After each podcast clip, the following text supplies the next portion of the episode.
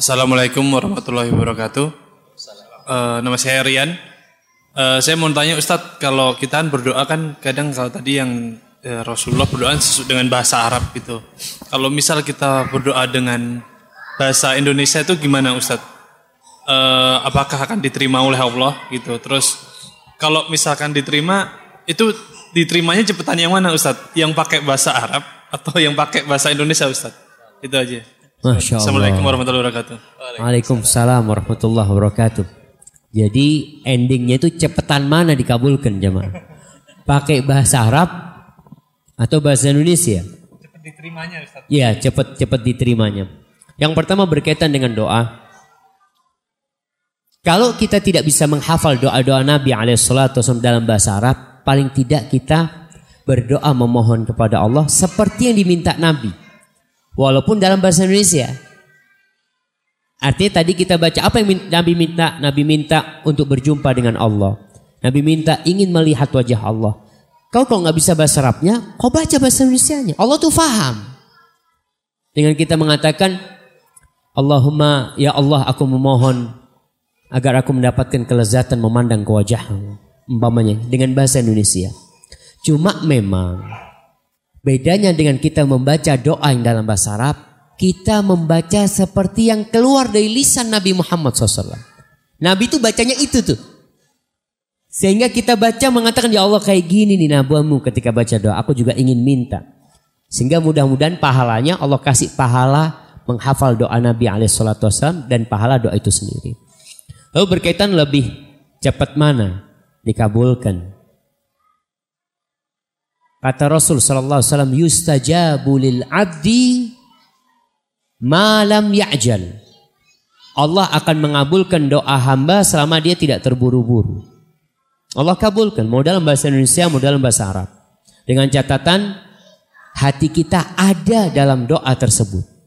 Karena Allah tidak mengabulkan doa dari hati yang lalai dan lengah. Bahasa Arab mantep jemaah.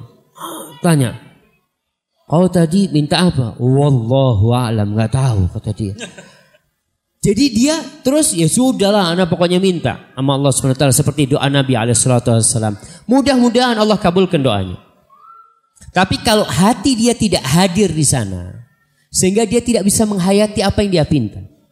Dan antum jangan khawatir, semuanya dikabulkan sama Allah SWT. Selama kita tidak meminta dengan dosa, tidak terburu-buru, mengatakan aku sudah berdoa, aku sudah minta, kayaknya nggak dikabul-kabulkan sama Allah. Allah akan kabulkan doa kita dan akan dikasih satu dari tiga hal.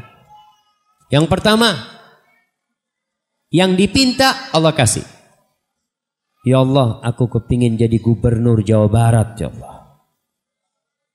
Allah kasih. Jadi itu dia gubernur Jawa Barat. Tapi ada yang doa kayak gitu, Allah nggak kasih. Tapi tetap Allah berikan balasan untuk doa dia. Jadi doa itu sudah ada ketentuannya sama Allah. Allah mau kasih apa yang kau pinta. Kalau yang dipinta nggak dikasih, Allah palingkan musibah yang akan menimpa dia. Yang setara dengan kualitas doanya. Orang, ya Allah, anak kepingin punya pesawat pribadi. Ya Minta terus sama Allah. Sampai mati nggak punya pesawat pribadi. Ustaz kok kayaknya anak nggak dikasih-kasih sama Allah. Ya mungkin kau seharusnya kecelakaan di pesawat. Tapi Allah nggak kasih kau pesawat pribadi, tapi Allah selamatkan kau dari kecelakaan pesawat. Setara Allah kasih. Kalau tidak, Allah kasih yang jauh lebih baik. Allah tumpuk di akhiratnya. Setiap kau berdoa itu jadi pahala. Terus pahala, terus pahala yang akan mengangkat derajatmu. Sehingga para sahabat radhiyallahu taala anhum ketika mendengar hadis ini, ucapan Rasulullah SAW mereka mengatakan, "Idzan nuksir." Kalau gitu nggak ada ruginya doa. Kita akan banyak-banyak berdoa. Apa kata Nabi Alaihissalam? Allahu aksar. Allah akan kasih lebih banyak. Maka orang nggak ada yang rugi. Sehingga tadi anda sampaikan musafir nih doanya mustajab. Banyak-banyakin doa dalam perjalanan. Hadza wallahu a'lam bissawab.